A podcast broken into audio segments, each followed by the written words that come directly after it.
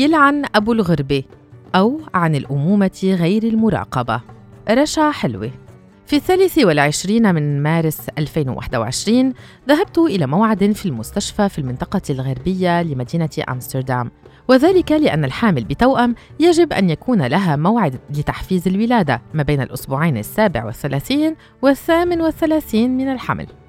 الخطة كالتالي تصل الحامل إلى المستشفى في موعد محدد ثم يأخذونها إلى غرفة الولادة وتبدأ سير التحفيز الذي من المحتمل أن يأخذ يومين إلى ثلاثة أيام حتى تبدأ الولادة الفعلية. وفي حالتي وفي صباح اليوم الرابع أقر طاقم الأطباء لأسباب طبية بأنه علي المرور بولادة قيصرية. كان هذا متوقعا لحامل بتوأم ومريحا بعض الشيء. لمن كانت خائفة من الولادة الطبيعية مثلي ولمن كان جسدها منهكا من الحمل والوزن وسكر الحمل ومنهكة أيضا من كوني في بلد غريب وحيدة بلا أمي وبلا عائلتي وبلا صديقاتي وأصدقائي وبلا لغة الأم. خلال كل فترة الحمل لم أسأل سؤالا واحدا بالعربية استفسارا عما يحدث داخل بطني فأنا في بلد هولندي ومن حظي أن الطواقم الطبية تتحدث الإنجليزية إلا أن كل ما فعلته بالعربية خلال الحمل كان أني كنت أحلم بلغتي وأخبر أمي بما قاله الطبيب وأرمي عليها كل مخاوفي وأتحدث وأغني لبطني على أمل أن ابنتي تسمعانني هكذا تقول الأبحاث. جاءت العملية القيصرية طارئة في صباح السابع والعشرين من مارس 2021 وكانت جملة حبيباتي ماما عند خروج ابنتي إلى العالم هي اللحظة الحقيقية الوحيدة التي وضعت فيها مرساتي في هذا الميناء الجديد. أتحدث مع ابنتي بالعربية وأغني لهما وأحكي لهما ذكرياتي وأعرفهما على شخصيات لم تلتقيا بها وعن بلاد تنتميان إليها ولربما ستحبانها. أتحدث إليهما من غير أن يكون أي رد منهما بعد. كمن تحدث نفسها. أتخيل مثلا لو أصبحت اما في عكا وفي أثناء حديثي معهما بصوت عال هما لن تجيبا على أسئلتي ولن تسخرا من قصصي وذكرياتي لكن بالتأكيد سيكون أحد في الغرفة المحاذية يسمع أو يفهم ما أقول. لكني هنا وحدي في هذا البيت أتحدث لغة لا يفهمها زوجي ولا الجيران ولا حتى صاحب مطعمي المغربي المفضل وذلك لأنه يتحدث الأمازيغية. فلا أحد يراقب ما أقول ولا أحد يعلق على الكلمات البذيئة التي تخرج من فمي أحيانا بسخرية. فأنا قادرة بالطبع أن أفلتر حديثي كلما تحدثنا مكالمة فيديو مع أمي البعيدة فأمي لن تسمعني. مثلا أشتم الحمام الذي يحط على شرفتنا ومن ثم أحاول أن أجعل ابنتي تحبانه. هكذا بحرية كاملة أتصرف بلغتي وأحضر منها ما أحب وما لا أحب. وما حدا له عندي. في زيارتي الأولى مع ابنتي إلى فلسطين قضينا شهرا واحدا في عكا. ومنذ يوم الزيارة الأول وصلت إلى البيت وفود من العائلة والصديقات والأصدقاء كي يصدقوا أني أصبحت أماً. في أمسية احتفالية بمناسبة الزواج والولادة وأمام نحو ستين شخصاً اعترف أحد الأقرباء بأنهم تقريباً فقدوا الأمل بأن أتزوج وأصبح أماً. ولكن الحياة مفاجآت بالطبع. لي اولا ومن ثم بالنسبة إليهم. المهم في أحد الأيام علقت قريبتي على شعري الأبيض. ليش شعرك هيك؟ سألتني وأجبتها لأنه عجبني طبعا. استحالة أن تكون إجابتي مقنعة ولربما لم تسمعني. فقالت بنبرة استنكارية شو؟ عشانك صرت أم بدك تهملي حالك وفي هذه اللحظة وأنا أجيبها بقمة الهدوء كنت أردد في عقلي كم أنا سعيدة بأني بعيدة سعيدة بأني في وسطهم وبأنهم يتعرفون إلى ابنتي. لكني تمنيت في تلك اللحظة لو كان بإمكاني حملهما والهروب من هناك في أسرع وقت ممكن.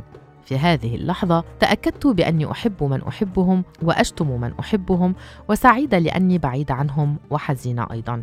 هبلة من تعتقد أنه سيكون لها وقت لكل ما هو خارج مهام الأمومة مع الاعتذار لنفسي أولاً.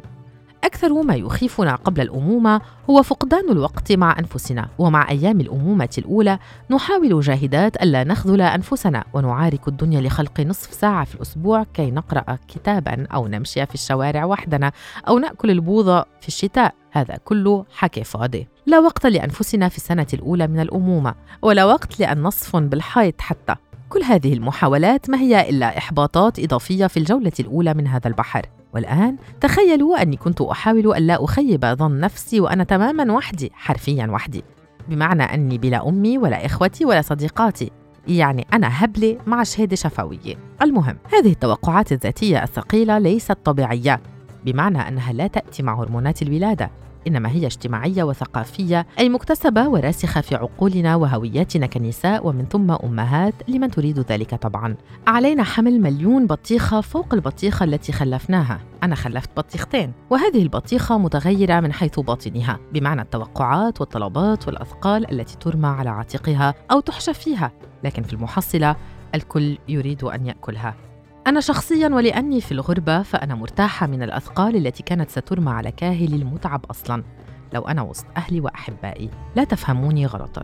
أريد أن أكون بينهم وأتمنى كل يوم أن أكون بينهم. اسألوا زوجي. لكني أيضاً أريد أن أكون وحدي في هذه التجربة. تعلمت باكراً أنه ما من وقت لأسكر في البارات مثل أيام زمان. لكن تعلمت باكرا أن ما حصلت عليه أي الهدوء الذي يحيط بخطوات الأمومة الأولى والهدوء حين أسمع نفسي وأرمي كل الأصوات التي حملت على كتفي كأم أو صداها في حالتي تعلمت أنها النعمة في اللعنة لعنة الغربة أقصد. كان يجب أن تمر سنة تقريبا على أمومتي لأعترف بأني وحيدة. تشير دراسات عديدة إلى علاقة وطيدة بين تجربة الأمومة الأولى وبين الشعور بالوحدة. بين الشعور الإيجابي الذي يرافق الأمومة والسلبي أيضا الناتج عن الخسارة وقلة الدعم الاجتماعي والضغط الذي تشعر به الأمهات والتوقعات منهن في سياق تجسيد صورة الأم في الثقافات الشعبية وغيرها من العوامل التي تساهم في الشعور بالوحدة. الأقصى من هذا هو عدم القدرة على الاعتراف بالمشاعر السلبية وسط الاحتفاء الشعبي بالأمومة كإنجاز للمرأة التي وصلت إليها. أو التي يجب عليها الوصول إليها كي تستحق لقب امرأة مثالية.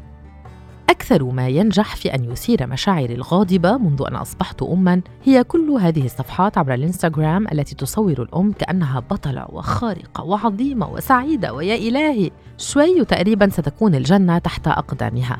فعلاً هي ناقصة؟ ألم نشبع بعد من وصفنا بالوطن والقضية والثورة والملائكة؟